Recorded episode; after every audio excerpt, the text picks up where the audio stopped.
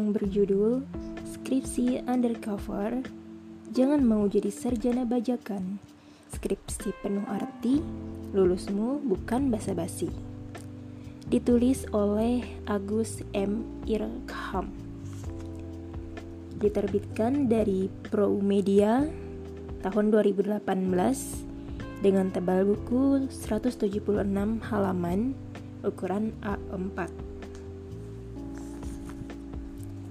penulisnya ini adalah seorang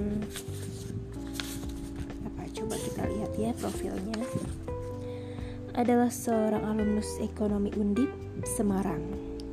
Ini adalah buku kedua yang diterbitkan Pro Media setelah buku 24 Cara Mendongkrak IPK, sebuah diari mantan mahasiswa bodoh. Jadi penulis ini memang sudah beberapa kali menulis tentang kehidupan mahasiswa ya teman-teman. Uh, seperti halnya adab membaca buku, baiknya kita membaca dari bab pengantarnya. Di sini ada pengantar yang berjudul Skripsi yang bermakna dan bermanfaat. Ditulis oleh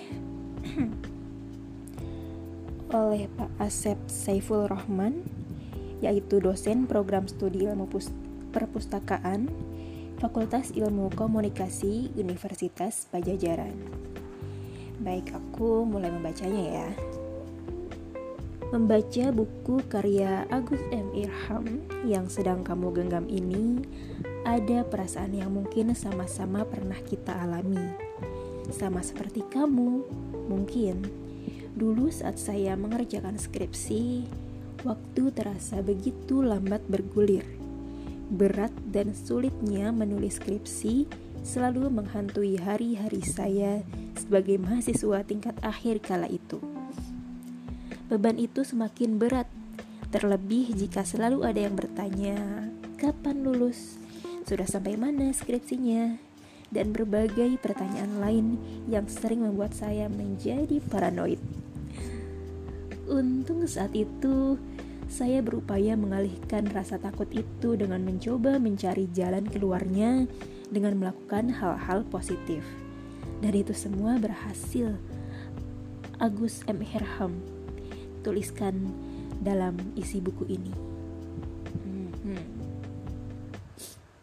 Kesulitan menulis skripsi bagi kebanyakan mahasiswa dimulai sejak awal kuliah seolah skripsi adalah satu-satunya ujian paling menyeramkan bagi seorang mahasiswa, sehingga menghadapinya sering kali membuat otak menjadi buntu dan perasaan menjadi galau. Agus M. Irham, saya kira berhasil menggambarkan hal-hal itu dalam buku ini dengan penuh empati. Bahkan tidak sedikit, pengalaman yang pernah saya alami juga tergambarkan dalam isi buku ini sehingga membacanya seolah kita sedang ada yang menemani dalam menghadapi beratnya menulis skripsi. Dan bagi saya, seolah saya sedang membuka kenangan indah saat itu, saat menulis skripsi. Bagi mahasiswa yang telah berhasil menjalani ujian skripsi, sering kali terlontar ungkapan perasaan seperti ini. Ternyata hanya begitu saja ya skripsi itu. Atau kalau tahu begitu, mestinya saya mampu menyelesaikannya lebih awal dan lebih cepat. Hmm, perasaan lega bercampur puas dan gembira. Terkadang disertai pula rasa tak percaya, sering kali membuncah tatkala mahasiswa telah berhasil menyelesaikan ujian skripsi. Apalagi ketika ternyata kita memperoleh nilai yang cukup baik atau bahkan sangat baik dengan pujian misalnya. Perasaan kebanyakan mahasiswa dan kita yang pernah menyelesaikan skripsi tentu sering kali demikian adanya. Bagi saya, skripsi yang bagus itu adalah skripsi yang selesai. Tidak berlebihan memang. Sehebat apa pun topik yang diteliti dan ditulis, kalau tidak selesai ya sama saja skripsi itu tidak bagus. Selain itu, skripsi yang hebat adalah skripsi yang ditulis sendiri dan tidak menciplak karya orang lain. Tidak juga mengulang-ulang topik yang sama seperti kebanyakan mahasiswa lain mengerjakannya. Untuk itu, maka banyak membaca dan melatih kemampuan menulis menjadi sangat penting. membaca dan menulis apa pun. Jangan pernah batasi.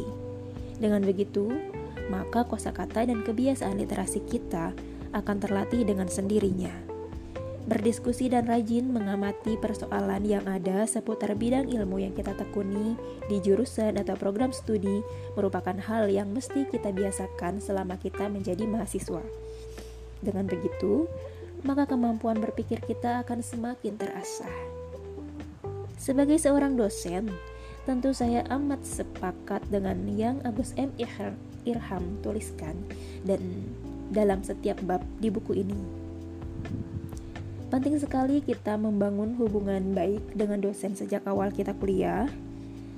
Apalagi kita berupaya menjadi mahasiswa yang aktif yang aktif selama kuliah.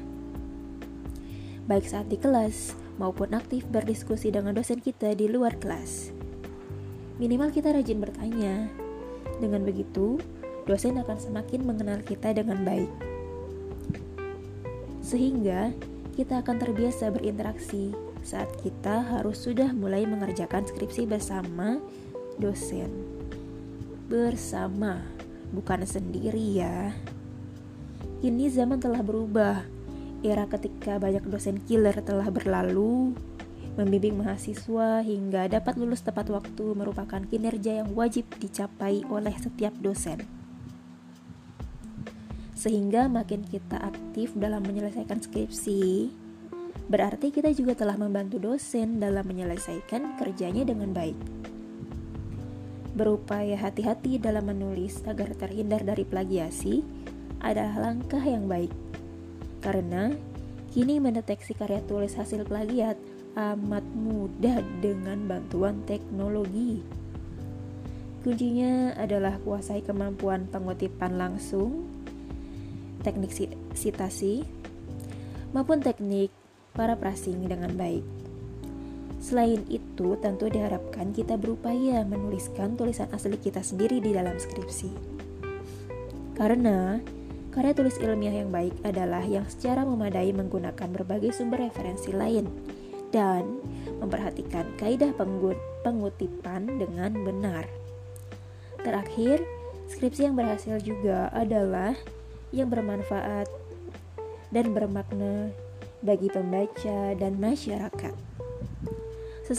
Sesederhana apa pun itu, seharusnya menjadi niatan awal yang mesti kita teguhkan dalam hati dalam menulis skripsi. Era open library secara online akan membuat skripsi kita mudah diakses dan dimanfaatkan oleh masyarakat. Menuliskan artikel dari skripsi atau bahkan versi buku populer dari skripsi akan membuat skripsi yang kita selesaikan akan jauh lebih bermanfaat. Baik bagi kita, dosen pembimbing, jurusan atau program studi yang kita ikuti, dan bagi pengembangan ilmu pengetahuan itu sendiri. Karena itu, tetaplah bersemangat dan bergembira, bergembiralah dalam menulis skripsi. Baik pendengar, sekian pengantar buku ini. Tunggu lagi episode selanjutnya ke bab 1 ya. Oke, okay, skripsi yang bagus adalah skripsi yang selesai. Wassalamualaikum warahmatullahi wabarakatuh.